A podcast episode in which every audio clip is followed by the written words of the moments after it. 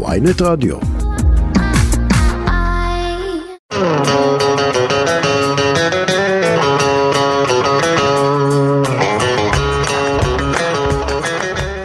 מחוץ לפריים, שלום שלום, אנחנו עם פרק חדש בוויינט רדיו.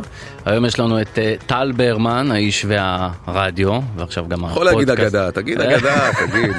לא יודע, למה להגיד משהו שלא עומד מאחוריו כל כך.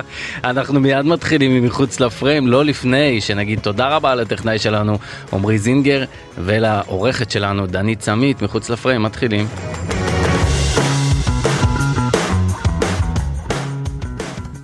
טל ברמן האיש והאגדה. או, או, ככה, זאת הכנסת אורחים. זהו, כן. שאני מכניס אורחים, אני ישר באתי איתך על הקשוח, מה המצב?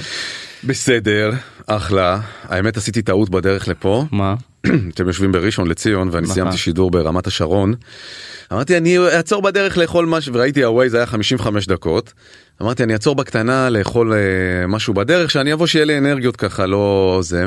עצרתי בגאה אתה מכיר יש את המזנון אה, פנינת גאה. אוקיי. זה בתחנה של בני ברק איפה שזה. אה, כן, כן, אני יודע איפה זה נכון. אמרתי אני אקח איזה משהו בקטנה איזה חטיף אנרגיה וזה נכנסתי היה כזה ריח של שקשוקה. אז לקחתי בגט ענק עם שקשוקה וחומוס ואכלתי את זה באוטו? כן. ובא לי לישון עכשיו באמת אני יכול להירדם פה על השולחן שלך זה אבל עוד לא הגעת לצרבת. לא אני יש לי אין, אין לי זה לא לא משפיע עליי הדברים האלה באמת, יש לי אה? כאבת ברזל אין אין צרבות? לא. זה ניצחת את החיים. כן במובן הזה כן במובנים אחרים עוד נדבר אם ניצחת או לא ניצחת. ברמן תגיד אתה עושה רדיו לדעתי 30 שנה. של- 30 שנה לא לדעתי הנה עובדתי. אתה יודע שבתחילת החודש אה, באחד במרץ שזה היה לפני כמה שבועיים זה היה 30 שנה לפעם הראשונה שפתחתי מיקרופון בגלי צה"ל אני זוכר את התאריך הזה. וואו תספר לי עליה. בגלי צה"ל שאתה מגיע למחלקת קריינים אני לא יודע איך זה היום אבל זה בטח אז נראה לי שזה לא השתנה בהרבה. אתה עושה כמה חודשים של חפיפה. אה, משמרות שידור מלווה שדרנים אחרים לומד מתאמן מתאמן עד שמגיע הרגע הגדול שאומרים לך זהו אתה פותח. הגעת עובר אולפן תקלות שזה אומר אה, מתקילים אותך אתה יודע כמו סדנת שבי להבדיל אלף אלפי הבדלות אבל שפתאום קורס הזה וקורס הזה וקורס הזה ופתאום רגע מה זה אולפן תקלות? אתה עושה שידור? אתה עושה כאילו שידור כאילו והכל מת, מתפרק וואו. אה, ואז אתה אומר אם אתה צולח את זה אז אתה כבר מוכן לעמוד בלחץ של שידור חי וזה אומר שהמוזיקה קורסת המחשב קורס אה, פתאום נכנס אה, מנקה עם שואב אבק כל מיני דברים שיכולים לקרות וואו. בשידור חי. אה, ואז אם אתה עובר את זה אז אומרים לך אוקיי אתה יכול אה, להתחיל אה, לשדר ועברתי את זה אה, ואמרו לי אוקיי אתה מתחיל לשדר ובעצם המילים הראשונות שאז אה, אמרתי במשמרת בוקר זה בוקר טוב היום אה, נדמה לי יום שלישי 1 במרס 1993 י' באדר תשנ"ג. זה היה מבזק. זה, זה היה מבזק חדשות? אפילו לא מבזק פשוט המילים האלה ואז נכנס אה, אה, זה אה, פסוקו של יום כזה אני לא זוכר איך אומרים כל מיני חצוצרות צה"ליות כאלה. זהו ושני המשפטים האלה היו המשפטים רגע הראשונים ו- שנייה שאמרתי. ולא המשכת לא הייתה תוכנית או משהו? לא לא לא לא לא לא זה סוג של קריינות רצף כזאת בהתחלה אתה עושה שמחבר בין תוכניות. תגיד ואיך הלב היה באותו אני זמן? לא ישנתי כל הלילה לפני. וואו. כל הלילה לפני לא ישנתי מהסטרס. אה, אתה יודע היום זה באמת נורא קל הנה אנחנו יושבים פה בפודקאסט ו- נכון. וכולם עושים פודקאסטים ו- וכל והמיקרופון ובכלל כמו שליצור מוזיקה הרבה יותר קל היום כל אחד מהחדר שלו יכול.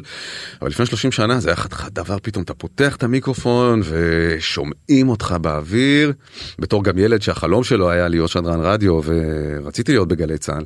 אני מניח אבל שזה תמיד ליווה אותך אחרי גיל ההתבגרות כזה בגלל הקול שלך נכון תמיד אמרו לך אתה צריך להיות? לא, אף פעם לא אמרו לי, ואף פעם לא חשבתי גם שיש לי קול, אה, בכלל החלום שלי היה להיות עורך מוזיקלי. וואלה. אני רציתי להיות עורך מוזיקלי בגלי צה"ל, וכשהגעתי לשרת אה, בתחנה אז אה, עשו לי עוד, לא משנה, הגעתי באיזה עיכוב, ואני לא, לא אלאה אותך בסיפור הזה שוב, אבל עשו לי עוד מבחני קול שכבר הייתי בגלי צה"ל, ואברי גלעד אז אמר לאורלי יניב שהייתה מנהלת מחלקת קריינים, זה קריין. ו... מה לא שמעו את הכל היה צריך לא. לעשות מב- מבחן כאילו? ל- כן, אתה יודע, סטנדרטים מקצועיים של אה, פעם כאלה. זה, לא- אגב, אני עדיין באולפן תקלות, שתדע לך. כן, כי בסוף, כמו שאתה אומר, היום כולנו פותחים אה, מיקרופון, הכל הרבה יותר נגיש, הכל הרבה יותר... שאלה אם האולפן תקלות הזה הוא באמת אפקטיבי לעומת הפדיחה שקורית לך פעם ראשונה בלייב ואתה מצליח, אתה מבין מה אני אומר? אני מבין, אבל אני חושב שפעם באמת היה יותר אה, אה, רצון לשמור על, על מקצוענות ב-level אה, גבוה.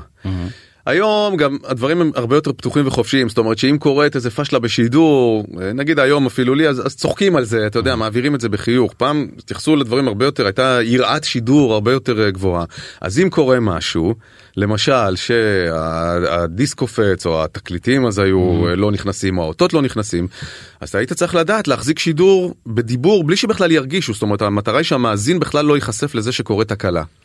אתה הגעת טל, לדעתי, אם אני זוכר נכון, אחת התוכניות הראשונות שלך בטלוויזיה הייתה פרפר לילה.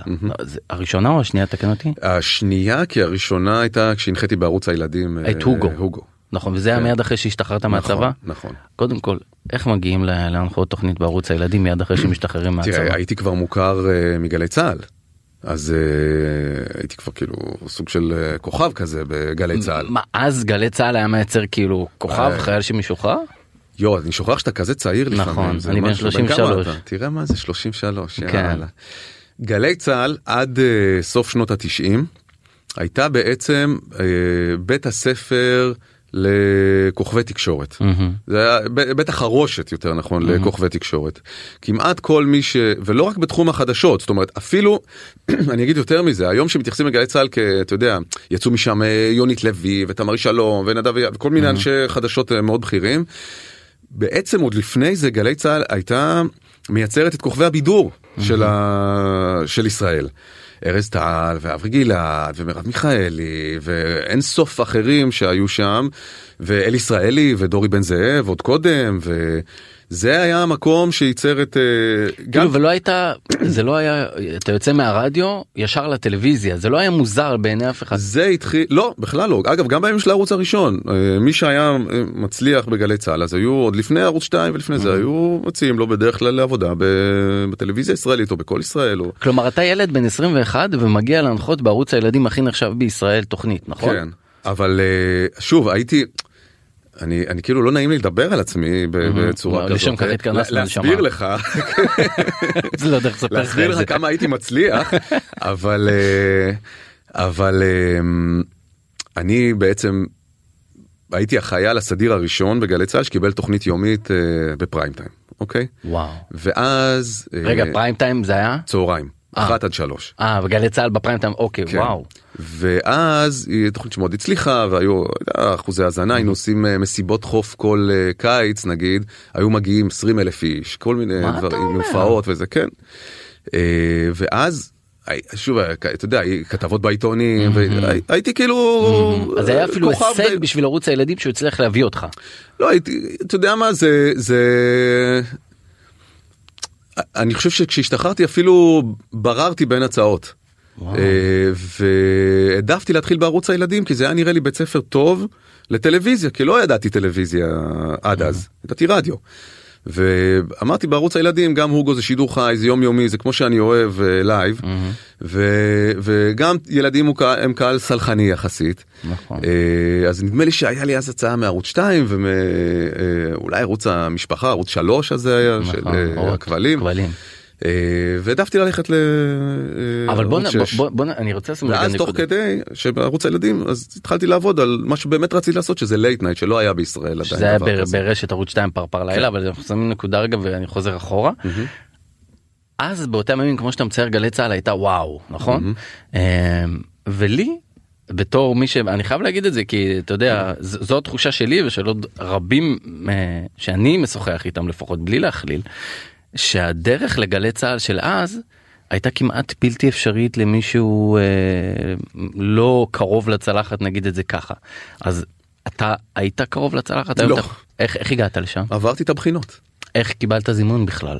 היה לי פרופיל נמוך מהמם. ונתונים גבוהים מבחינת אה, קאבה דפ"ר אני מניח שזה הסינון כן. הראשוני עד כמה שאני יודע כן. לא, לא באמת מכיר. וביקשתי בצו ראשון הרי או בקצין מיון ואז קיבלתי זימון, הרי שואלים אותך.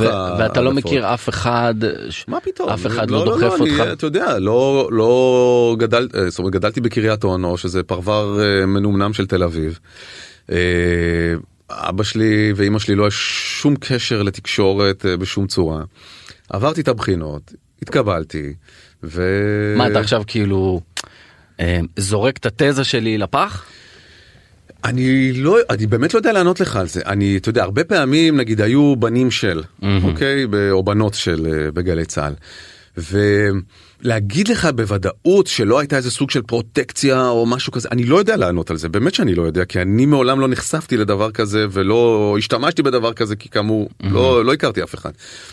אבל אה, מצד שני גם אני, אני מכיר טיעון נגדי שאומר, הרבה פעמים נגיד ילדים של רופאים, הם גם רופאים, או ילדים של טייסים הם גם טייסים, או ילדים של עורכי דין הם גם עורכי דין. למה זה? כי כשאתה גדל בבית, נגיד אתה בן של אה, רופאה, וזה ה...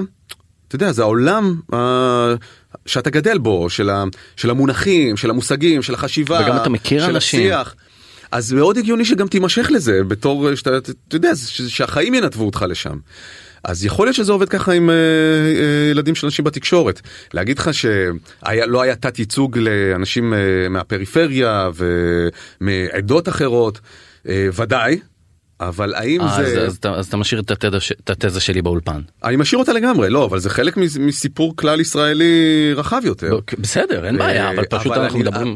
אבל אני גם פה לא, לא בהכרח חושב שזה נעשה באיזה אופן מודע ודכאני. אבל שום דבר מהדברים האלה אף פעם לא נעשה נכון, זה הרבה יותר. חמקמק ולא ברור. מודע, ברור. אגב, אני לגמרי טים אבישי בן חיים בקטע הזה. שמה? אני מאוד מתחבר לעניין ההגמוניה שלא מודעת להגמוניותה. אני לא חושב שצריך להרחיב ולהכיל את זה באופן אוטומטי על כל דבר אגב אני גם מיודד עם אבישי אני אתה יודע אני לא חושב שזה תקף כאילו ל- ל- לכל תחום כל הזמן וזה גם הרבה פותר מאחריות גם את הצד שטוען לקיפוח אבל אה, למה, אבל- למה זה פוטר אותו מאחריות? כי נורא קל אה, כל הזמן להאשים מישהו גדול וחזק ממך בעובדה שאתה לא משהו, אוקיי? תראה, אימא שלי למשל היא לא אשכנזיה, אוקיי? אימא שלי ספרדיה. אה, היא טורקיה, יווניה, גדלה בתל אביב אמנם, אבל בבית שהיא גדלה בו, אה, ובדרום תל אביב אגב, בר- ברחוב העלייה, אה, בבית שהיא גדלה בו הייתה אה, היה אוריינטציה לחינוך. אז היא אתה יודע עוד תוך כדי השירות הצבאי שלה התחילה ללמוד באוניברסיטת תל אביב בתחילת שנות ה-70 אני מדבר איתך, אוקיי? עכשיו אז אה, אתה יודע היא לא באה מכסף ולא באה ממעמד ולא בזה ולא אשכנזייה ולא זה ודרום תל אביב וכולי וכולי וכולי אה, אבל כן למדה והצליחה והיא עורכת דין אה, נהדרת. אה, אז אני אומר עכשיו אתה מצד שני גם לא יכול להתכחש למציאות ואתה רואה את המספרים בגדול בהכללות כמובן מי עשיר ומי עני ומי ב-8200 ומי לא ב-8200 ומי אה, פרופסורים ומי לא ומי בית המשפט העליון ומי לא רואים את זה מי זאת אומרת, ראשי ממשלה ומי לא? ומי ראש הממשלה ומי לא ואגב ומי ראש הממשלה ומי בצמרת הליכוד ומי לא. מי לא. אה, נכון. אתה רואה את זה בעיניים אי אפשר להתכחש למציאות אז אני חושב שזה תהליכים הרבה יותר אה, סמויים מן העין ומורכבים אה, ו- וכולם צודקים במובן הזה לדעתך היום זה קיים ברמן? כן. כן.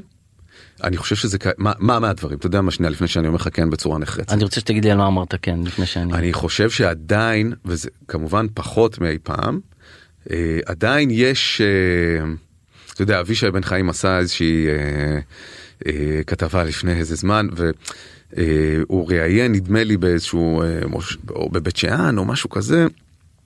מישהו שישבו כזה אנשים ואומר אומר מישהו שהוא אה, אשכנזי בעל המפעל הוא אומר מה אנחנו כולנו ביחד אין הבדל וזה הנה כל העובדים שלי הם אה, מזרחים. עכשיו, אתה יודע אתה אומר הנה בן אדם הנה בן אדם שכאילו הוא בא בטוב אבל הוא כל כך לא מודע לעצמו שכאילו מה אתה אומר בעצם תסתכל בדיוק את הפערים המעמדיים מי למעלה מי למטה מי חזק מי חלש מי העובד ומי המועסק מי השכיר מי הפועל מי גר בקיבוץ ומי גר בבית שאן. נכון. אמ, ודאי שיש את זה. להגיד לך אגב שה... והמצב הזה אבל צריך להשתנות לא במה שקורה עכשיו. זה לא זה ניצול אגב אני מה, ממש אתה אומר, אשמח מה, להגיע ב- במהפכה? המשטרית משפטית מהפכה הזאת. סלאש רפורמה. סבבה. אמ, אלא בחינוך ובהשקעות בפריפריה, ובלימודים, ובפיתוח, תשתיות, אלה בסוף דברים שמביאים, הרי בוא, גם לא המצאנו את העניין הזה של מרכז ופריפריה בישראל, זה קיים בכל מקום בעולם. כן, זה הטיעון שאני לא סובל אותו. אבל הוא אמת. אה, זה, כן. לא, זה לא מצדיק את זה ולא אומר שלא צריך לפעול כדי לשנות את זה. שמע, היום, היום שמעתי ראיון, אה, דווקא אה, אצל בן כספית וינון מגל, שדיברו עם דינה זילבר, בסדר? עורך דין וזה, ותפקידים שהיו לה, לא צריך להגיד מי. ואז היא אומרת שמה, השווה, אה, ינון, מג... ינון מגל השווה את המהפכה סלש רפורמה ל... לעולם. ואז היא אמרה, אני לא אוהבת את ההשוואות לעולם, כי צריך שיהיה מאפיינים דומים כדי להשוות. בסדר, לא, אי אפשר להשוות את ישראל הברית. אז להגיד לי שגם ניו יורק וגם ויסקונסין, אתה יודע, אין בהם את אותו חינוך, את אותו, חלאס, אני לא קונה לא. אבל תשמע, זה בכל מקום בעולם יש עניינים של מרכז מול פריפריה. אה, בדרך כלל הקווים הם דומים במובן הזה של העיר הגדולה, נגיד פה תל אביב, או לונדון, או ניו יורק, או מילאנו, היא תהיה אה, יותר עשירה, יותר אה, אנשים שיהיה להם יותר השכלה, היא תהיה יותר ליברלית בדרך כלל. תסתכל אפילו במפה של הברקזיט באנגליה, אם אתה מכיר את ה... הרי אלה שרצו לצאת מהאיחוד האירופאי בעד הברקזיט, הם היו אה, לא בלונדון. אתה רואה ממש אה, בדמוגרפיה הם צובעים את אה, מפת אה, אנגליה אז לונדון היא עיגול אדום קטן של נגד הברקזיט וכל המסביב אתה יודע זה כמו שהיום קוראים לזה מדינת לונדון אוקיי כמו שאומרים פה מדינת תל אביב. או ניו יורק אה, אה, לוס אנג'לס שיקגו נגיד הערים הגדולות בארצות הברית שהן יותר ליברליות יותר דמוקרטיות אבל כל שאר המפה צבועה בצבעים אה, רפובליקנים. ולכן אני אומר שזה זה מצב שקיים בכל מדינה גם בצרפת ברמן, איך אגב. ידעת, איך ידעת להגיש מועמדות לגלי צה"ל? מה זאת אומרת איך ידעתי? איך ידעת שיש את אני האופציה בתור הזאת? ילד מגיל 12 נו, הייתי מאזין לגלי צה"ל. הייתה תוכנית של ארז טל ואברי גלעד מה יש בשנות ה-80 רדיו מדהים ואני רציתי להיות כזה. היו, היו אנשים בסביבתך שהיו בגלי צה"ל? לא. היו אנשים שראית אותם שהם מגישים מיונים לגלי צה"ל? לא חושב לא חושב שמהבית ספר שלי מישהו התקבל אי פעם לגלי צה"ל. ראית פעם מישהו מגלי צה"ל אה, באזור שהיית בו? אז אה, לא לא כלום. באמת שלא לא לא הכרתי אף אחד בתקשורת או מישהו שקרוב. לא, לא, עזוב אתה, אתה אומר להכרת. איפה אתה רואה את הייצוג. לא, לא, לא זה. אני אומר, זה, זה מה שאני, אני מדבר על זה הרבה עם סטודנטים ב, ב, כן. בספיר, במכללת ספיר, שבה, שבה אני עובד. אני, אני אומר להם, כדי אה, ל, לרצות להיות עיתונאים, אתם צריכים לראות עיתונאים סביבכם. אתה צודק מאוד. אתם צריכים לראות, לדעת ממי לקבל השראה. כ- כדי לראות, להיות כמוהו, אתה צריך לראות אותו. ואם על כל אה, אשדוד עד אילת, יש לך עיתונאי אחד, אה, ולא משנה באיזה מערכת תקשורת, לדעתי רק בקשת יש לך שני עיתונאים שם. אז איך אתה יכול לרצות להיות עיתונאי? אז איך הילד מבאר שבע ירצה לדעת להגיש מועמדות לגלי צה"ל, שהוא בכלל לא יודע שזה קיים את האפשרות הזאת? אתה מבין מה אני אומר לך? לא היום, אז, אז אני מדבר, לא היום. תראה היום זה באמת שונה לא, לא, כי הכל ממוחשב עזוב, רואים והכל זה. וכולי אבל אז זאת שאלה ממש טובה. אני לא יכול להגיד לך שלי היה איזשהו מודל אני רק רציתי להיות כמו האנשים שהאזנתי להם ברדיו. ולצורך העניין ידעתי שגלי צה"ל זאת יחידה צבאית גם הייתי מאוד אה, צרכן תקשורת גדול זהו, במובן הזה אתה ואני דומה. אני מגיל מאוד מאוד קטן ממש אני זוכר את עצמי בן 6 7 מחכה שאבא שלי יחזור מהעבודה בערב חוזר בשבע שבע וחצי ומביא איתו את העיתון. והייתי אחרי מקלחת ארוחת ערב יושב קורא את העיתון מהמילה הראשונה שלו עד המילה האחרונה שלו. היית קורא את הקרדיטים?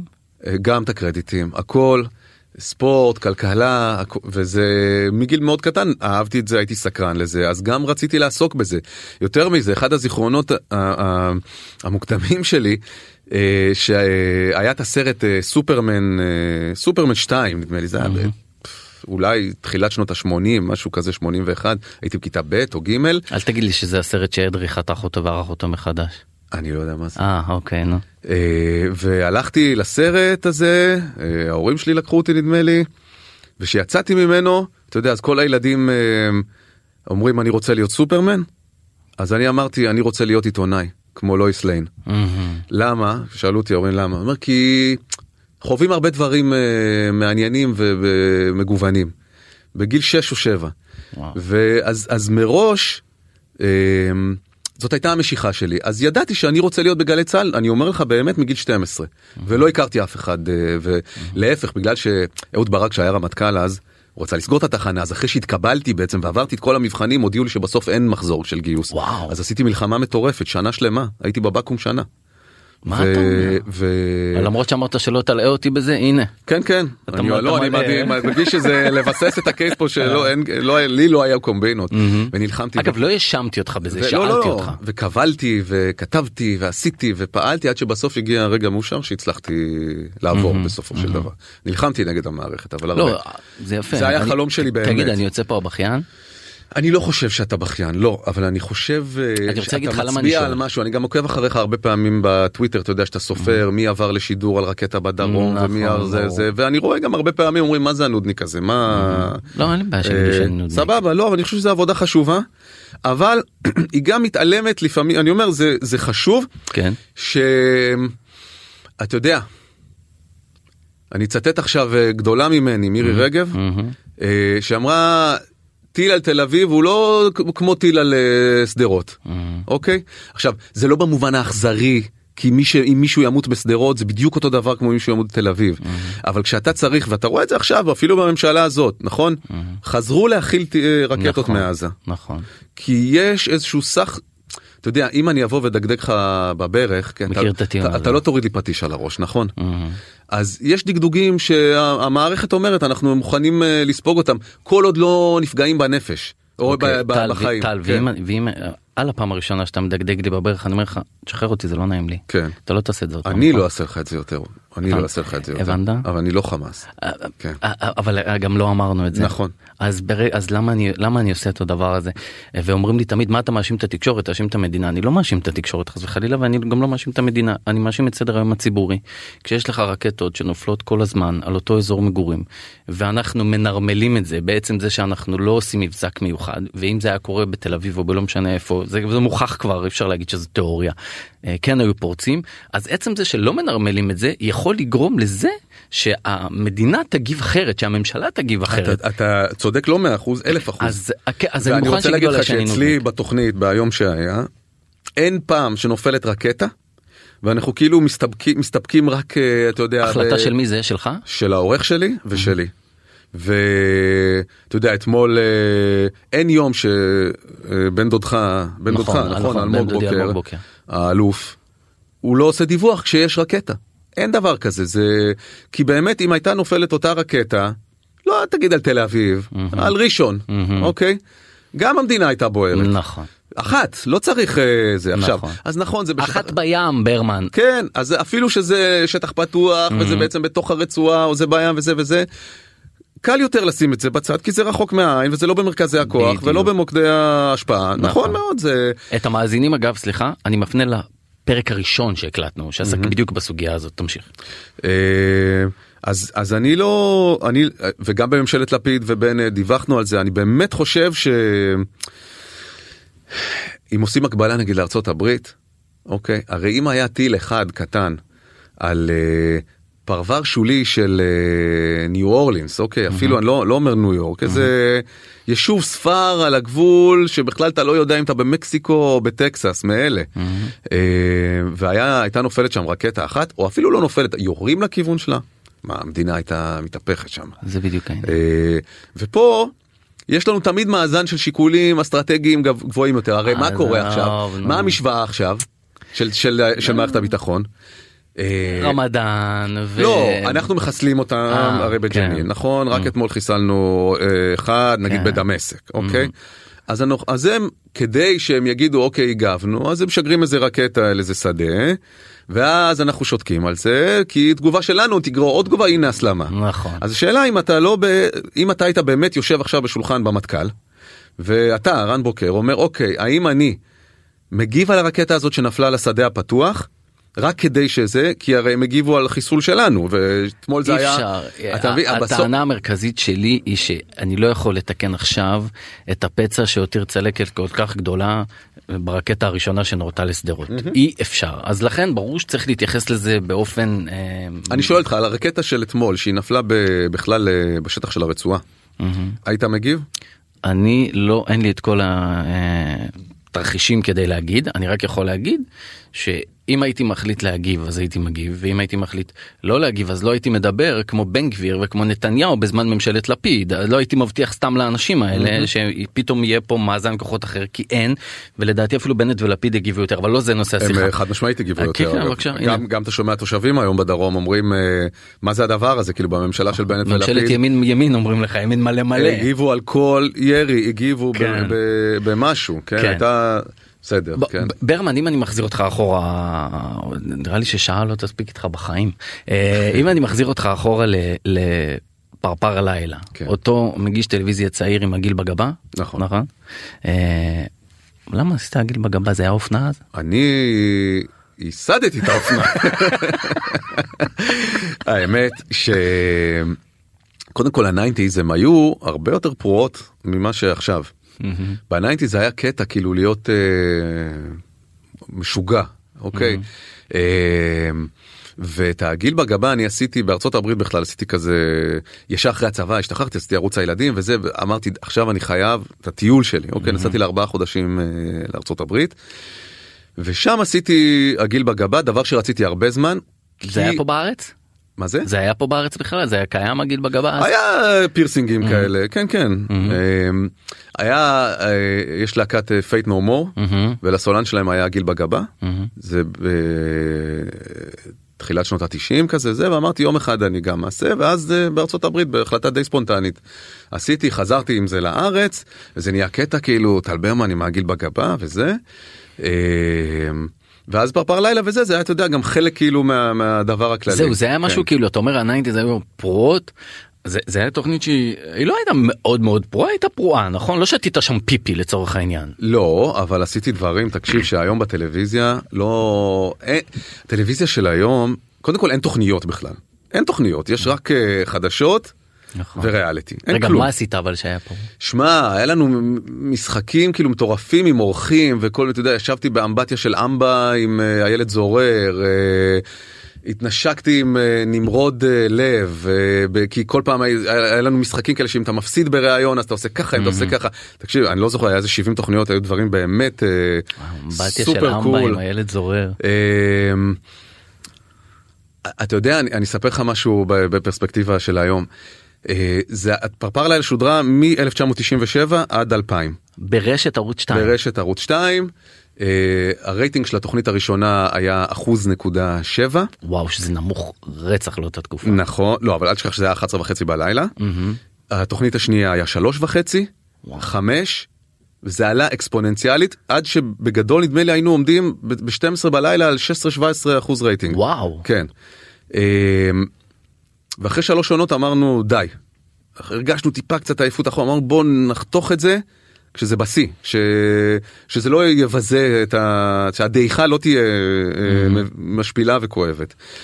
אה, הושפענו אז גם מסיינפלד שבדיוק חתך אה, אתה יודע בשיא ההצלחה שלו זה היה גם קטע של ה nineties צא עם גאוותך לא אל תידרדר אל מחוזות משפילים כמו היום.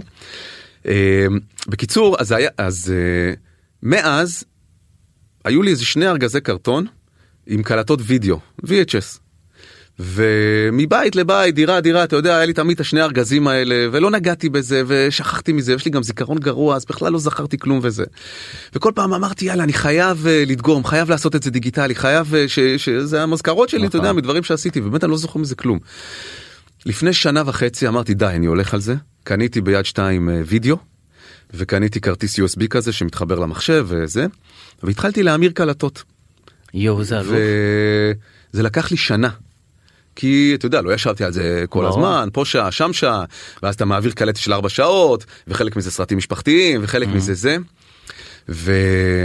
ותמיד היה לי בזיכרון שפרפרה הייתה תוכנית מופרעת והייתי כזה מטומטם ו... ודביל ועושה שטויות בתוכה וזה. ואנשים עד היום אומרים לי וואי איזה תוכנית מדהימה הייתה ולא לא בדיוק התחברתי כאילו אמרתי מה זה היה כל כך מפגר באמת.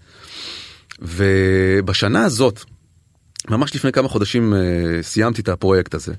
העליתי את כל הזה, והעליתי את זה לדרייב שלי בגוגל. ונדהמתי, נדהמתי והתרגשתי והופתעתי איזה עוול עשיתי לעצמי בזיכרון שלי לאחור.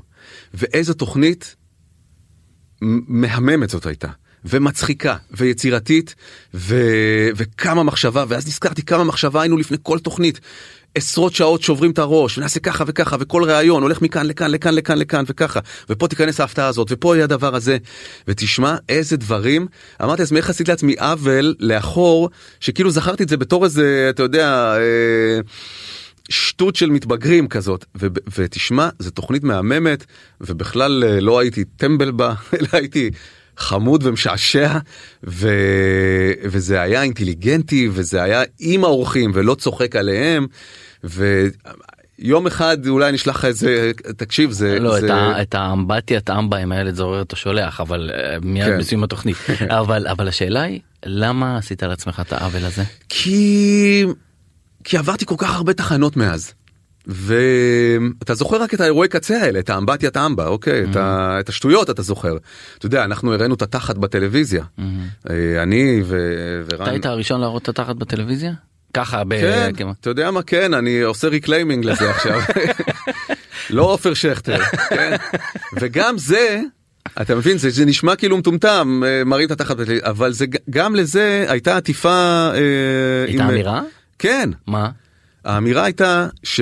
או, או ההקשר היה, נדמה לי שזה היה בשנת 98, יצא סרט בריטי שמאוד הצליח, אולי אפילו זכה באוסקר, שקראו לו ללכת עד הסוף.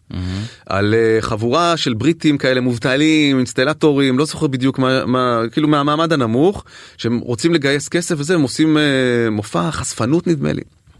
משהו, אני לא, לא בדיוק זוכר את הסיפור, זה סרט שמאוד מאוד היה יפה ומרגש ומצחיק והצליח מאוד מאוד. ויש שם איזה סצנה שהם כאילו ערומים אבל אתה לא באמת רואה תחשוב שכאילו מישהו ערום ובדיוק המיקרופון מסתיר לו אתה יודע את האיבר או הוא מוריד את המכנסיים אבל בדיוק הכל כן. מסתירה את זה זה היה מבוים מבריק. אז עשינו כזה בהשראת ללכת עד אז הסוף לא ראו את התחת? ובסוף בסוף בסוף ראו את התחת בחוטיני.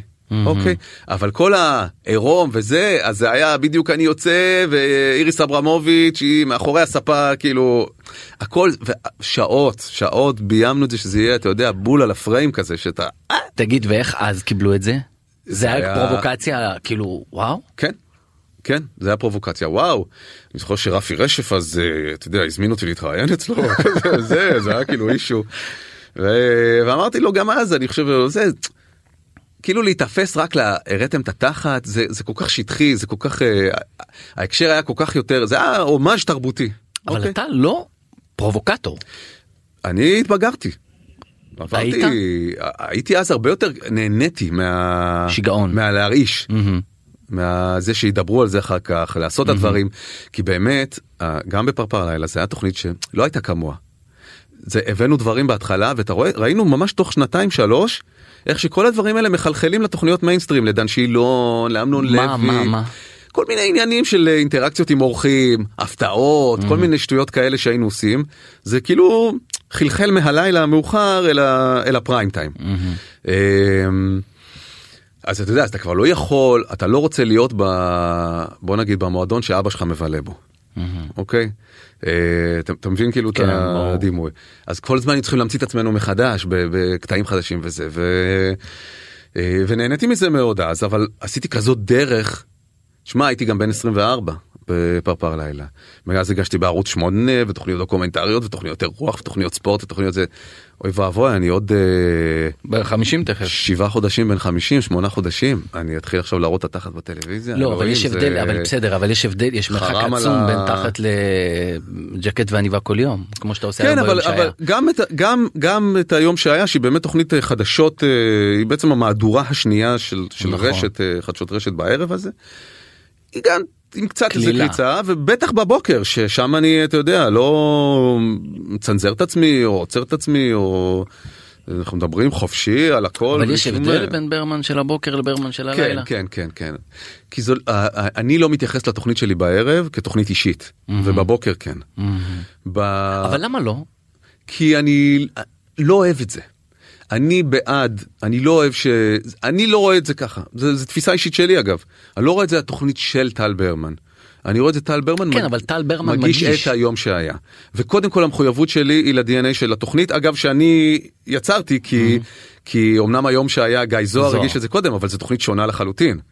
אגב, אין, אין בינה לבין התוכנית של גיא זוהר שום דבר. גיא זוהר היה עושה אה, גם מונולוגים וגם נכון. פינות כאלה. ובעצם כשאז יוסי ורשבסקי אמר לי, היה בוא- מנכ"ל ערוץ היה 10. מנכ"ל ערוץ 10 ובמיזוג הוא אמר לי בוא, אה, בוא תעשה את היום שהיה. אמרתי לו סבבה אבל א' אני לא רוצה לעשות את התוכנית ככה אני רוצה לעשות אותה אחרת אז אני לא אקרא לזה היום כן. שהיה. אז הוא אומר תקרא לזה היום שהיה אנשים מכירים את השם. ותעשה מה שאתה רוצה, אבל. תעשה, תתייחס לזה כשלד בורסאי. אתה נכנס למשהו ש, שמכירים אותו מבחינה מיתוגית לא יהיה צריך לשווק את זה כמשהו חדש אבל תעשה שם מה שאתה רוצה. ואני אה, אמרתי יחד עם אה, אה, העורך שלי אז ערן ברון. אה, איש יקר עבד בוויינט. בהחלט, אה, מאוד יקר. והאורחים שהתחלפו מאז אם זה אבי כהן, אבי כהן שלקח אותך אחר כך להיות העורך של המונדיאל. מגיש, כן. המגיש כן. אה, ה-DNA של התוכנית הוא קודם כל לספק לצופה תקציר ענייני של מה שקרה היום ולהכין אותו לקראת מחר. אה, בגלל זה גם אני לא משחק את ה... להשיג את המרואיין הזה ואת המרוץ הזה אני בכלל לא במשחק הזה אני רוצה לדבר עם הכתבים שלנו ועם הפרשנים שלנו כי אנחנו כבר לא חווים את האירוע אלא מדברים על האירוע. שמע אני רוצה עכשיו לשים לך אני רוצה לשים לך נקודה פה כי אתה אמרת שכתבים ופרשנים שלנו לא התכוונתי להתייחס לזה כשהתיישבתי ברעיון. אמ, ערוץ 13 הופך להיות ערוץ מאוד לא אהוב. אה, לפחות מה שאני רואה ברשתות החברתיות אה, בעיקר אחרי עזיבת איילה חסון ושרון גל הטענה היא שהוא אה, נוקט לעמדה אחת. סלח לי אם אני מכניס אותך למלכודת. אתה יכול לשאול מה שאתה רוצה חופשי. איך- איך אתה רואה את זה? אני מאוד הצטערתי שאיילה חסון עזבה. אני לא הייתי שם את איילה חסון ושרון גל באותה משבצת. הוא איש טלוויזיה מצוין, שרון גל. יש לו נוכחות, כריזמה וסטאר קואליטי שאין להרבה אנשים בטלוויזיה בכלל, אבל הם לא אותו דבר. זאת אומרת, מבחינת אה, עיתונאות, איילה חסון בעיניי היא אבדה גדולה לרשת 13. אה, אני, אתה יודע, אני רואה גם את המספרים. אה, את הרייטינג. את הרייטינג. אה, בוודאי, אה, אני גם לא בהנהלה, אגב, אין לי שום אה, שות, שותפות למהלכים של ההנהלה, או אתה יודע, אני באמת רק בא ועושה את התוכנית שלי. אני חושב שחברת חדשות 13 היא חברה מצוינת, עם אנשים מצוינים. אני כל הזמן רואה מהדורות של הערוצים האחרים, זה של 12 ו-13 וגם 14 לאחרונה. אני אומר לך ואני חותם על זה בוודאות, אנחנו לא נופלים מאף אבל מהדורה. הטענה היא על היעדר איזון עכשיו, בין שמאל לימין. אני אני רואה בעיניים שוב כצופה כי באמת אף אחד לא דיבר איתי על זה אני רואה שנגיד בשבועות האחרונים במיוחד סביב המהפכה המשפטית יש אה, איזה אה, יותר אה, אה, דיבור אה, כיתת עמדה. כן נקיטת עמדה אני חושב שזה בא כתגובה נגיד להצלחה של ערוץ 14 אולי אפילו שהוא אתה יודע מלידתו נוקט עמדה. אמ, וצריך אה, אתה יודע אם, בכל מקרה אה, שוב אני אומר את זה סתם עכשיו על דעת כן, כן, עצמי כן, באמת כן. אף אחד לא כן, דיבר איתי הסביר לי תדרך אותי אני באמת מנתח את זה כצופה אפילו. אני חושב שמיתוגית אם אתה יודע שבכל מקרה הצופים המאוד ימניים לא אצלך. לא אצלך אז אז אז תחבק אולי יותר את הצד השני. אה, אבל שוב זה לגמרי השערה שלי אני אומר את זה באמת עם אלף כוכביות. כן, כן, אני לא בסדר, יודע. אתה לא איתי. למשל אפילו כקו אה, אה, לא שלא הסבירו לי את המהלכים האסטרטגיים של החברה זה ודאי לא אבל אה, איתי נגיד על מה לעשות בתוכנית איש לא דיבר אף פעם מעולם. אה, אף אחד לא אומר לי מה לעשות בליינאפ, איך לנסח את הטקסטים, אף אחד לא מתערב לי בעבודה, לא לי ולא לעורך ולא למערכת, בכלום פשוט, בכלום. ו... טוב בוא נקליל מתי אתה הולך כן. לישון אתה עושה הדור וואו. ה- היום שהיה זה ב-11 נגמר ב-11 וחצי. זה נגמר, בש... תלוי, כל יום זה שונה, אתמול נגמר ב-12 וחמישה. רגע אז, 12 וחמישה אתה מגיע הביתה מתי? אה, האמת שאני גר בקרוב מאוד, אז... אה, כי האולפנים ברמת רמת החייל כן. ואתה גר בקריית באיפה? ברמת אה, החייל. אה. כן, יצא לי טוב. אז אתה מגיע הביתה ב-12 וחצי כן. אה, ואז אתה קם ב... אני קם בחמש ועשרה. רגע אבל אתה לא נרדם שנייה ישר אחרי שזה לא, אני קצת אה, אה, קורא קצת, אני משתדל לקרוא כמה עמודים מספר כל יום כדי אה, גם לשמור על המוח וגם, אתה יודע, לעשות ריסטארט. אני מתפ... זאת שאלה שאני לא הייתי שואל דנית ביקשה לשאול מה אתה קורא עכשיו. ספר שקוראים לו מגפאי מרדרס. אוקיי. אביעד המליץ לי עליו בבוקר, ואני כבר חצי שנה קורא אותו. כי אני קורא כל יום אה, חמישה שישה עמודים, כן, Mhm. ואז העיניים שלי נעצמות. אה, וזה ספר נהדר, מותחן אה, סטייל אה, אגתה קריסטי מהסוג שאני אוהב, אבל עם טוויסט גדול. ואז אני אני ישן בוא נגיד ארבע וחצי שעות בלילה, משהו כזה, ארבע וחצי. אז אתה קם בחמש ו... עשרים. וואו.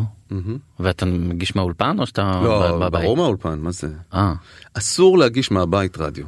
למה? מה זה אסור? מותר, כן? אבל זה גרוע בעיניי. למה? כי זה... זה תמיד יהיה פחות טוב מאשר להגיש מאולפן. בטח אם אתה בדינמיקה מול מישהו. זהו, ואתם מגישים אחד מול השני? כן, כן, כן. בטח אם אתה עושה את זה מול בן אדם, אתה צריך לראות אותו בעיניים, אתה צריך להרגיש אותו, את השפת גוף, את האינטונציה. אה, אני מאוד לא בעד הטרנד הזה של השנים האחרונות של לשדר מהבית. לדעת, אולי זה סתם אני, זה, אתה יודע, דינוזאור, סטנדרט מיושן, אבל לדעתי פשוט המוצר, התוצר יוצא פחות טוב, אין מה לעשות. רגע, ואז אתה ישן צהריים אחרי שאתה מסיים את התוכנית? אתה מסיים את התוכנית בעשר? תשע וחצי. תשע וחצי, מגיע הביתה, פעם האולפנים היו ברמת החייל, אז בכלל היה לך... לא, הם היו בהרצליה פיתוח אה. דווקא, רמת החייל זה 102. נכון, סליחה. אה, אנחנו ברמת השרון עכשיו 99. אה, אני הרבה פעמים הולך לפגישות או הקלטות של פודקאסטים בראשון לציון או כל כן. מיני דברים כאלה שיש לי אחרי התוכנית אני משתדל לקבוע את הפגישות תכף שלי. נדבר על הפודקאסט, הבנתי. כן. אה, ואני משתדל אחרי זה אה, הילדים ארוחת צהריים אני הרי לא עם הילדים לא בבוקר ולא בערב. קיצור, אז אתה לא ישן צהריים. אני משתדל לישון שעה שעה וחצי ביום לא תמיד מצליח אני מודה. אני ישן מעט מדי רואים את זה בעיניים הנפוחות שלי. טוב, בקרוב. תכף, זה- כן. הכי טוב שאומרים לסוף. אנשים. אגב, אתה יודע כמה תגובות אני מקבל בלילה מאנשים שלא מכירים אותי. יא סטלן. זה, כל מיני שמות של סמים שאני לא מכיר אפילו, כותבים לי באינסטגרם, "מה, לא רואים שאתה, לא יודע, יש כל מיני שמות עכשיו לדברים. אה, כותבים לי באינסטגרם, לא, וואלה, אני מספיק לך ארבע שעות וחצי? אני סתם עייף. זה לא מספיק לי אבל אה, זה מה יש וכאמור אם אני ביום חמישי לפעמים שאין לי תוכנית בערב אז גם במוח אני יודע שאין לי את המתח הזה את הסטרס לקראת הלילה אז אני מצליח לשחרר יותר נותן שעתיים נגיד ביום חמישי אבל בצהריים. תכף אתה לא תצטרך לקום מוקדם בבוקר. אה, כרגע כך זה נראה כן. כן, אחרי 20 שנה אתה ואביעד נפרדים. מהמם. למה? כי כי החלטנו ש... אתה יודע מה? אני חושב שזה כמו גירושים, אוקיי? מערכת יחסים מתחילה להידרדר והיא לאט לאט דועכת עד שמחליטים שדי. ואנחנו, אתה יודע, גם, גם אמרנו את זה באופן הכי גלוי ברדיו. מהמם. אף אחד לא מתגרש מרוב שטוב לו. ואנחנו חושבים שאתה יודע, זהו, זה הגיע זה לא הזמן. מהלך אבל שהגיע מעכשיו לעכשיו, נכון? זה זה משהו שהוא... לא, לא, זה מתבשל הרבה זמן, ואתה יודע, זו דעיכה הדרגתית אה, ברמה האישית אגב, כי ברמה, וזה דווקא, אתה יודע, מה שקשה פה, כי ה... ברמה המקצועית התוכנית טובה, התוכנית מצליחה יותר מאי פעם. עם אה, רק ב-TGI, הסקר ההאזנה האחרון, שעברנו שיא של כל הזמנים מבחינת... אה, מבחינתנו ומבחינת תוכנית רדיו בכלל ברדיו המסחרי בישראל. הילדים לא מרגישים אבל את ההידרדרות ביחסים. אה, הילדים זה המאזינים. המאזינים. אני חושב שחלקם כן, כן? קצת. זה לא מאוד בא לידי ביטוי, אבל, אבל uh, מיטיבי הלכת ממש כן. וגם בסוף אתה מבין, אתה יודע שאם אתה קם בבוקר ורע לך, אז אפילו, אז, וזה יותר קשה אפילו שהדבר עובד ומצליח, אבל אם רע לך, וזה נמשך הרבה זמן, וניסיונות שאתה עושה לשפר את זה לא מצליחים. ועובר זמן ועובר זמן ועוברות כמה שנים ככה שהדבר הזה אתה יודע אה, אבל אני אומר, כאילו. אם זה הצליח לסחוב כל כך יפה, כן. בזמן שלמדת לחיות עם, אתה יודע, תשארו בשביל הילדים, מה שנקרא. זה גרוע אוי ואבוי לא הייתי רוצה להיות ילד שההורים נשארים בשבילו.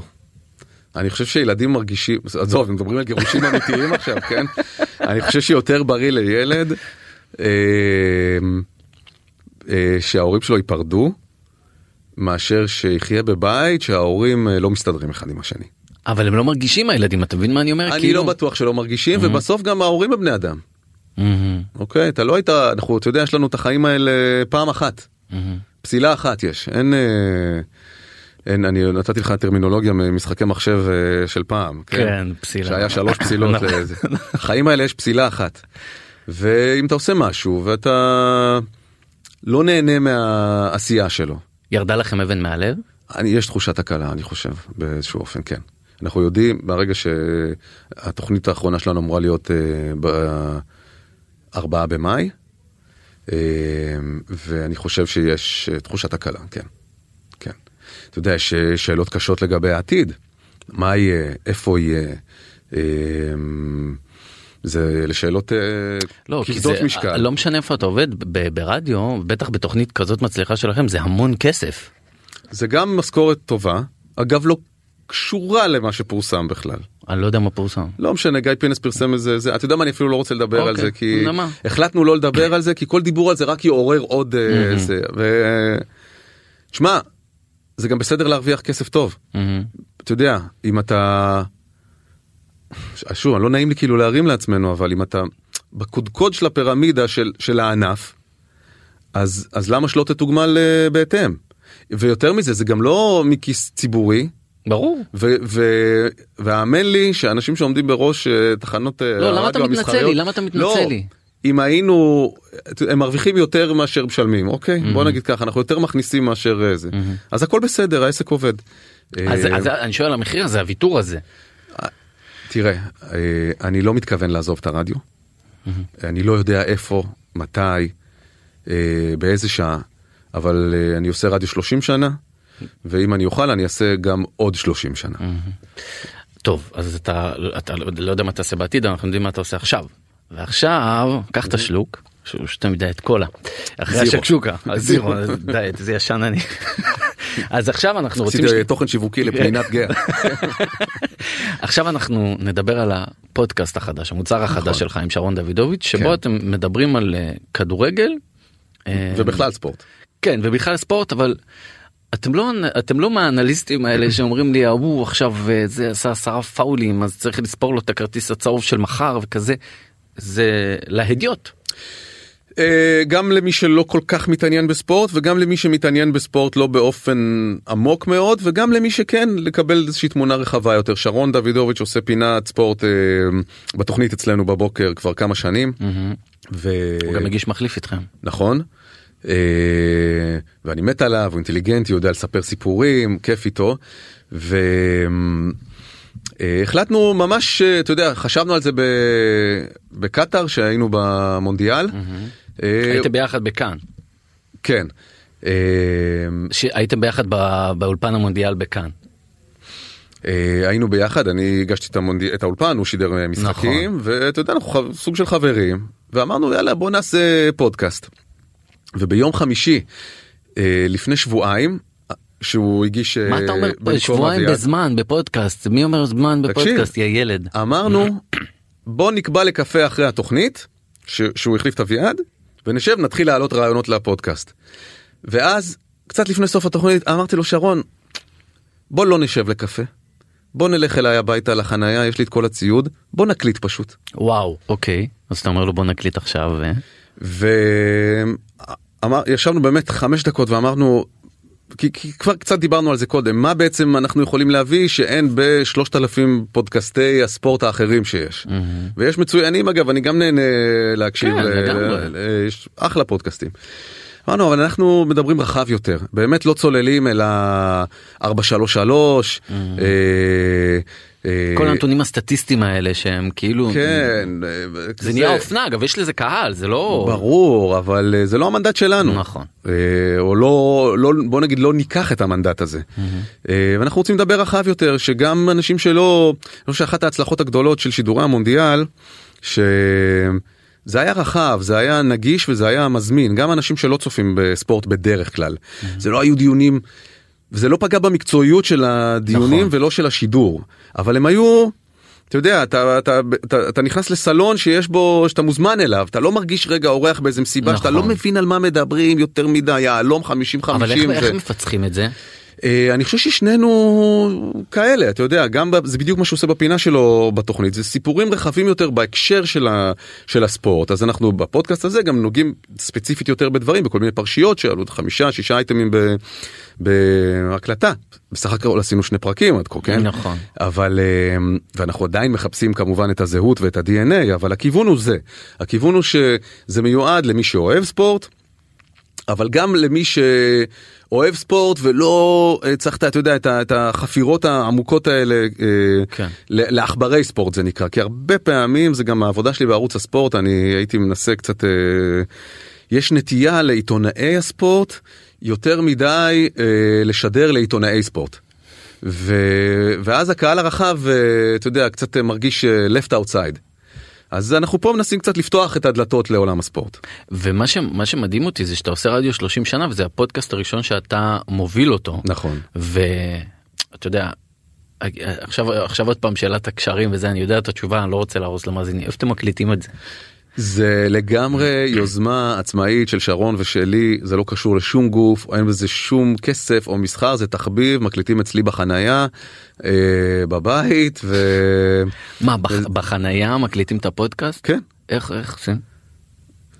מיקסר, קונסולה, שני מיקרופונים. אבל מה אין רעש מסביב וזה? זה לא חנייה פתוחה, לא חניון. מהמם. חנייה מקורה, סגורה, שלה, אני גר בבית אה, פרטי. מהמם. אה, זהו, יש קצת אה, וילונות, קצת, אה, אתה יודע, שלא יהיו הדהודים. וכל האירוע הזה של פודקאסט הוא באמת שונה, תשמע, אני באמת 30 שנה עושה רדיו FM. באוויר ופתאום אה, ללמוד את והתארחתי בכל מיני פודקאסטים בשנים האחרונות אבל אף פעם לא עשיתי פודקאסט אז הכל אתה יודע אז, אז, אז אני מקליט את זה למחשב וקצת אה, מנקה את זה ועורך את זה ולא משנה עניינים טכניים עושה נורמליזציה ומעלה את זה ל- לשרת ואז מפיצים את זה כמה זמן זה לוקח לך? אחרי שאנחנו גומרים להקליט כן. חצי שעה אה לא לא כזה נורא רע. לא נורא אה, לא נורא, לא נורא. וואו. כן קצת עריכות קצת זה אתה יודע כל מיני דברים קטנים שזה נורא כיף כי כי פתאום אתה מרגיש אני מרגיש שאני עושה משהו חדש שהוא מאתגר אותי אז פתאום מוזיקות אוקיי אני רגיל שאתה יודע יש את האותות של התוכנית רדיו או תוכנית זה או תחנת רדיו כזה. נכון. פה פ- פה אז אתה צריך לחפש באיזה כי בגלל שזה מאוד התחלתי אז חיפשנו במאגרים חינמיים כאלה אה, אותות ויש המון אנשים שמציעים את המוזיקה שלהם חינם תמורת קרדיט. אז אם תסתכל בתיאור של הפרק בספוטיפיי בסופו של דבר בכל מקום יש קרדיט למי שעשה את המוזיקה. והוא אומר תחתכו לו אז חתכתי את זה לכל מיני אותות מעבר וכזה הוא אומר תחתכו תעשו מה שאתם רוצים רק תנו לי את הקרדיט. אה, כן או עיצובים אז אה, עשינו לוגו לשרון אה, הוא כותב אה, ספרים הוא פרסם כמה ספרים של top 50 של כל מיני סיפורי נכון. מונדיאל אולימפיאדה כזה אז יש לו מא- מאייר במלזיה שהוא הגיע אליו דרך אתר Fiverr אני חושב. משלם לו כמה עשרות דולרים תמורת איורים וכזה. ואני חשבתי שעשיתם את האיור באפליקציה. הראשון היה באפליקציה עם אה. פילטר ואז אמרנו בוא לא נהיה שכונה יותר נכון שרון אמר אני אמרתי זה יפה דווקא מה רע. משדרים בחנייה אבל בוא. כן אז המאייר המלזי עשה ב-50 דולר אה, קומיקס אה, שלנו. ואתה יודע זה כיף זה גרילה זה מרגיש לי נורא רגע והמיקרו ושנייה אני חייב אם כבר כן. אנחנו בפרטים הקטנים והמיקרופון והמיקסר קניתם במיוחד או שאתה בתור אה, איש? לא יש לי יש לי שני דברים א' יש לי כי אני גם מקליט קרייניות לפרסומות אה, אוקיי. וכאלה אה, מהבית. גם מהחניה? כן. לך? כלומר אם אני שומע פרסומת בטלוויזיה שטל ברמן מקרן לצורך העניין זה מהבית בחנייה. את רובן כן את רובן בשנתיים האחרונות בטח כן מדהים. כן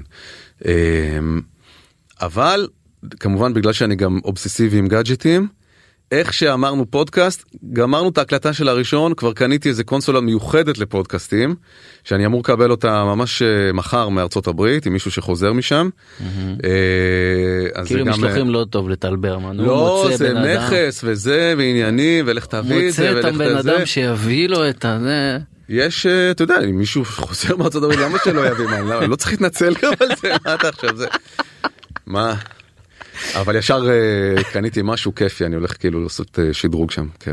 ברמן אני רוצה אה, לנסות ו- ולקראת סיום אה, לגעת ביחסים שלך עם הטלוויזיה והרדיו המשחקי גומלין האלה מהמם. אני לא יודע איך לקרוא לזה אפילו גומלין כי עשית Wipeout ועשית 24 7 דברים שפחות הצליחו מהמם. אה, וברדיו תמיד היית mega star מהמם. תיקח אותי אתה- חולק עליי? לא. אה אוקיי אה, תיקח אותי למערכת יחסים הזאת שבבוקר אתה פגז כן. וב-24 7 אתה נכשל קודם כל 24/7 זה היה כישלון לא שלך אישית ברור. catastrophe זה השקיע אז את כל ערוץ 10 ש- נכון. שבנה עיר בבת ים וזה זה- נכון. דווקא 24/7 נגיד הדור הבא 24 7 תוכנית כן. היכרויות שסגרו וילה בבת ים צעירים וצעירות עם איתן אורבך וכו' דיברנו על זה. נכון. כן.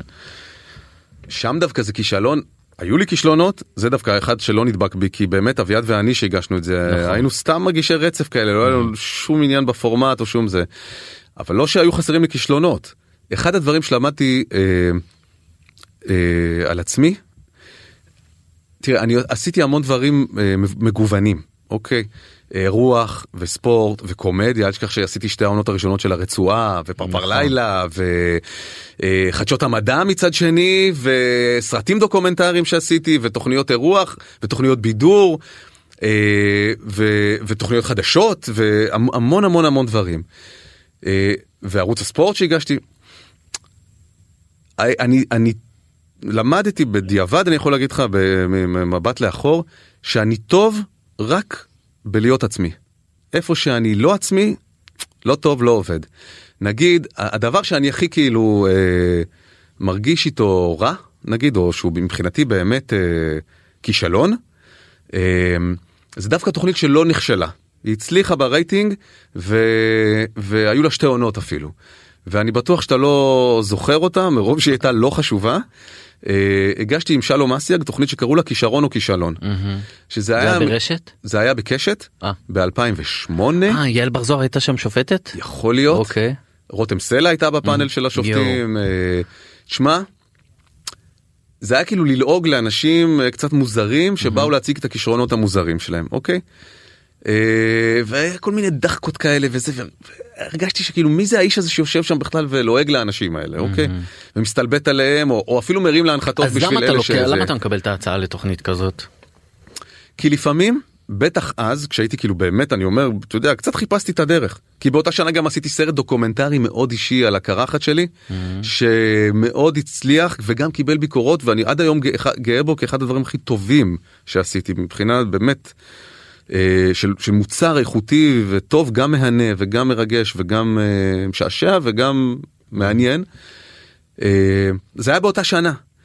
כי אתה יודע, אתה בתור מישהו ש, שהוא גם אה, עושה כל מיני דברים, גם מגוונים וגם פונה, ל, ל, ל, אתה יודע, מביט לכל הכיוונים, אז, אה, אז לפעמים אתה מרגיש, או הרגשתי ש... אוקיי, אז הציעו לי עכשיו להנחות תוכנית בפריים טיים של קשת, אני לא אגיד לזה לא. או נראה לי שזה לא... כאילו, מה אכפת לי, זה בטוח, כאילו, אתה יודע, בידור, זה, שלום אסיה, קשת, זה, למה לא? ובפועל מאוד מאוד מאוד אה, לא נהניתי מהעשייה של זה. ולמרות זאת המשכת לש- לעונה שנייה. כן, כן, כן, זה לתובנות בדיעבד. אה, אתה יודע, אה, בסוף יש גם את המשכורת וגם את הפרסום וגם את הזה. היום לא הייתי עושה את זה. היום אני יכול להגיד לך שאני, אתה יודע, זה גם בדיוק היו שנים שכאילו מלהיות הצעיר והמופרע אל מישהו, אל מעבר בו- של בוגר יותר, אוקיי? אז בתווך יש לך מין תחום כזה שאתה לפעמים הולך קדימה, לפעמים הולך אחורה.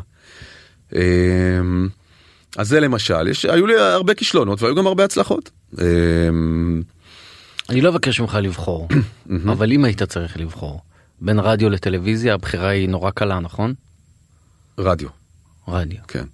אם היית אומר לי אתה עכשיו אני מאוד נהנה משניהם תראה גם היום גם למשל שהייתי הייתי בערוץ הספורט לפני ש... אגב זה רק מעצים לי את העובדה שהחלטתם להיפרד בתוכנית שאתה כאילו יש לך את הבייבי האישי שלך שזה היום שהיה ויש לך את התוכנית שהיא 20 שנה עם אביעד קיסוס זה רק מעצים לי את העובדה כמה זה לא היה יחסים טובים כבר. אה, כן תשמע אם, אם זה היה אם הייתי נהנה אם היינו נהנים אני מניח שזה היה נמשך. אה, אבל אם היית עכשיו אומר לי תבחר רק להמשיך באחד מהם אני מניח שהייתי ממשיך ברדיו. אה, אבל אני לשמחתי בטלוויזיה יש לי גם את הפריבילגיה לעשות דברים שאני מאוד נהנה מהם. זאת אומרת מהיום שהיה אני מאוד נהנה. לפני זה כשהייתי בערוץ הספורט אבל אתה לא מביא את עצמך את הטל ברמניות הזאת.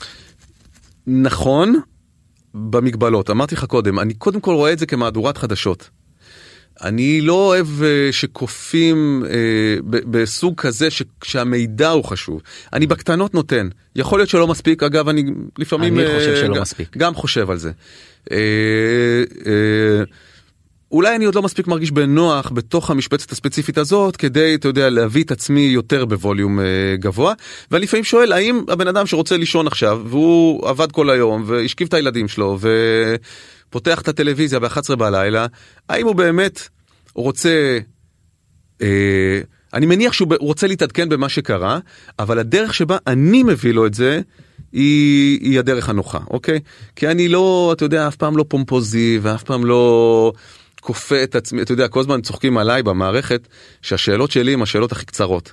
שאני נורא מינימליסט mm-hmm. בשאלות, שאני שואל את הכתבים ואת הפרשנים, כי אני לא שואל שאלות להראות כמה שאני חכם. Mm-hmm. אוקיי, אני שואל שאלות... שאת זה הרבה מגישים חולים במחלה הזאת. יכול, כן. אמ, או שזה פשוט להם עובד, אתה יודע, אני אישית לא, לא מרגיש את הצורך אה, לשאול שאלות שבעצם עוסקות בי, ולהראות איך אני זה. אני רוצה לשאול את הכתב, את הפרשן, אני מבחינתי אה, כמו הצופה. אני אה, שואל את השאלות שהצופה היה רוצה לשאול. אתה אוקיי? חושב שהצופים יודעים את העמדה הפוליטית שלך? בוודאות כן. לא מאזינים. מי שלא צופים. מאזין, אולי לא באותה נחרצות כמו ממאזיני הרדיו, אבל, ב... אבל אני מאמין שכן. אני מאמין שכן. ואתה חושב היום שמגיש בטלוויזיה, שמגיש גם מהדורת חדשות, אה, משנית, נכון? אה, צריך להביע את עמדתו או לא? השאלה למה אתה קורא להביע את עמדתך. תראה, אה, אני לא אתן נאום, אה, נגיד עכשיו ראיתי שאודי סגל נכון, והילה הילה קורח עשו זה חלק מהאג'נדה החדשה של חדשות 13. נכון. כפי שאני כצופה כאמור כן, רואה. אותה. אה, אני לא עשיתי דברים כאלה, אני לא יודע גם אם אני ארגיש נוח כרגע לעשות את זה. אני חושב שהדרך שלי להביע את דעותיי ולהעביר את המסרים אה, שלי, או את העמדות שלי לגבי דברים, היא בלאתגר, לאתגר את, ה, את הכתבים בשאלות, אה, ב, ב, ב, אתה יודע, ב, בלהתעקש איתם לפעמים על דברים. הרבה פעמים אתה יודע, הכתב בא ואומר אה, טה טה טה טה טה טה טה, ונגיד הוא נותן את הדיווח שלו במהדורה, דקה ועבר וממשיכים הלאה. ואצלי בגלל שיש גם קצת יותר זמן לשיחות, אז אני שנייה אומר לו רגע, אבל למה זה וזה וזה וזה? או מי אמר שככה וככה וככה? או אבל אה, כשאתה עושה את זה, אתה עושה את זה במודע כדי להביע את דעתך? גם וגם כדי הרבה פעמים להביע את הדעה המנוגדת. אני חושב שזה חשוב מאוד לשיח ש... אז ש... אתה בעצם אומר לי שזה לא בהכרח חשוב שמגיש יביע את- את עמדתו. ואני מדבר על ישראל 2023. תראה, אני לא חושב שמישהו חושב שאני ביביסט, אוקיי? בוא... כן? אז אני, אבל מצד שני גם לא צריך, אה, אני לא מרגיש צורך אה, לכפות את דעותיי, אני, זה קודם כל המידע והצבע שאני צובע את הדברים בו, אני חושב שהוא... אז נשאלת השאלה. אתה יודע מה, אני, אני, אני, אני כאילו, אני, אני שם לב עם עצמי שאני קצת מתפתל ב, נכון, בניסוחים, נכון. לא כי אני מתחמק מתשובה, אלא כי באמת אני לא יודע אה, לא, אז. נשאלת השאלה, האם אני- אנחנו צריכים לטבל את השאלות שלנו בתור מגישי טלוויזיה, אתה מגיש טלוויזיה, אה, בתור עיתונאים, בתור מראיינים, לטבל אותם באופן שבו אנחנו נרצה להביא את המידע לקורא או לצופה, מבלי שהוא שם לב שאנחנו מכניסים את הקטנות, או שאנחנו באים כמו אודי סגל שעשה וכמו הילה קורח ועוד הרבה אחרים, ואומרים חד משמעית. אני ב- באינסטינקט הפנימי שלי רוצה לתת את המידע ולהעביר ולנהל את השיח ככה שהצופה בסופו של דבר מגבש דעה עצמאית. אוקיי. ואני חושב שכשאתה מנסה להכיל בכפית מישהו, אז הוא ידחה את הכפית. כשאתה מנסה לכפות על מישהו אה, דעה מוצדקת ככל שהיא תהיה ונכונה ככל שאתה חושב שהיא, זה הרבה פעמים יוצר אנטגוניזם דווקא. ו... אז למעשה אם אני... ואני גם, אתה יודע מה, ואני גם, אני גם לא עושה את זה באיזשהו אופן מודע, או לא, זה פשוט אני ככה. אני אנסה אה, ל- ל- לשאול את השאלות אה, ולהגיד את המסרים בצורה כזאת שהצופה מקבל סל שלם של, אה, ש, אה, אתה יודע, תמונה מקיפה ככל הניתן, והוא תחליט. הוא, הוא יחליט אז בחשיבה נוטה, העצמאית. אז למעשה אתה נוטה יותר בלהגיש לו את זה אה, לא, לא, אה, נטול אה, עמדה. כן. אני אנסה בימים כתיקונם. עכשיו אנחנו קצת בתקופה אחרת. נגיד אפילו בבחירה של הטרמינולוגיה, האם זאת רפורמה, או מהפכה. או מהפכה משטרית, או מהפכה משפטית. משפטית. אוקיי? שפה יש אה, שלוש נכון. דרגות של חומרה. נכון. רפורמה זה כמובן אם אתה בעד. רפורמה יש לה קונוטציה חיובית. נכון. הפיכה זה בכלל אה, נשמע, אתה יודע, הפיכה מרי- משטרית. מרי אנטואנט אה, זה. אה, אני דבק במהפכה המשפטית, או ההפיכה המשפטית, כי כן, יש פה כוונת זדון בעיניי. אה, כן, כשרוטמן ולוין עושים את המעשים, את, מריצים את החקיקה הזאת, זה כן באופן מודע גם כדי להחליש את המערכת המשפטית. זה לא, אה, זה לא סוד. הם עושים את זה כי הם חושבים שלמערכת המשפטית יש יותר מדי כוח מול הרשות המבצעת, נכון? והרשות המחוקקת. אה, אז יש פה כוונה גלויה, מודעת ומדוברת להחליש את הרשות השיפוטית. טל ברמן וואו אנחנו לדעתי הפודקאסט הכי ארוך שהקלטנו עד עכשיו בוויינט כאילו באנו לדבר על הפודקאסט ולא דיברנו כמעט כלום על הפודקאסט נכון? יכולנו להמשיך פה אמיתי יכולנו להמשיך אבל אה, אה זהו כבר נגמר? כן, אבל אנחנו לא, לא מקליטים בחנייה אז uh, מישהו צריך את ה... מישהו צריך את האולפן. אז טל ברמן וואו תודה רבה רבה שהגעת אלינו היה לי כיף גדול. גם לי. אנחנו נגיד תודה לטכנאי שלנו עמרי זינגר ולעורכת שלנו דנית סמית אנחנו מחוץ לפריים הבטחתי שאני אזכור ואספור הבטחתי לעצמי לא פה בשידור את מספר הפרקים אבל וואלה רס בן אמו בפרק הבא אני נותן אותו. Uh, תודה רבה לכם שהאזנתם מחוץ לפריים אני הייתי רן בוקר ביי ביי.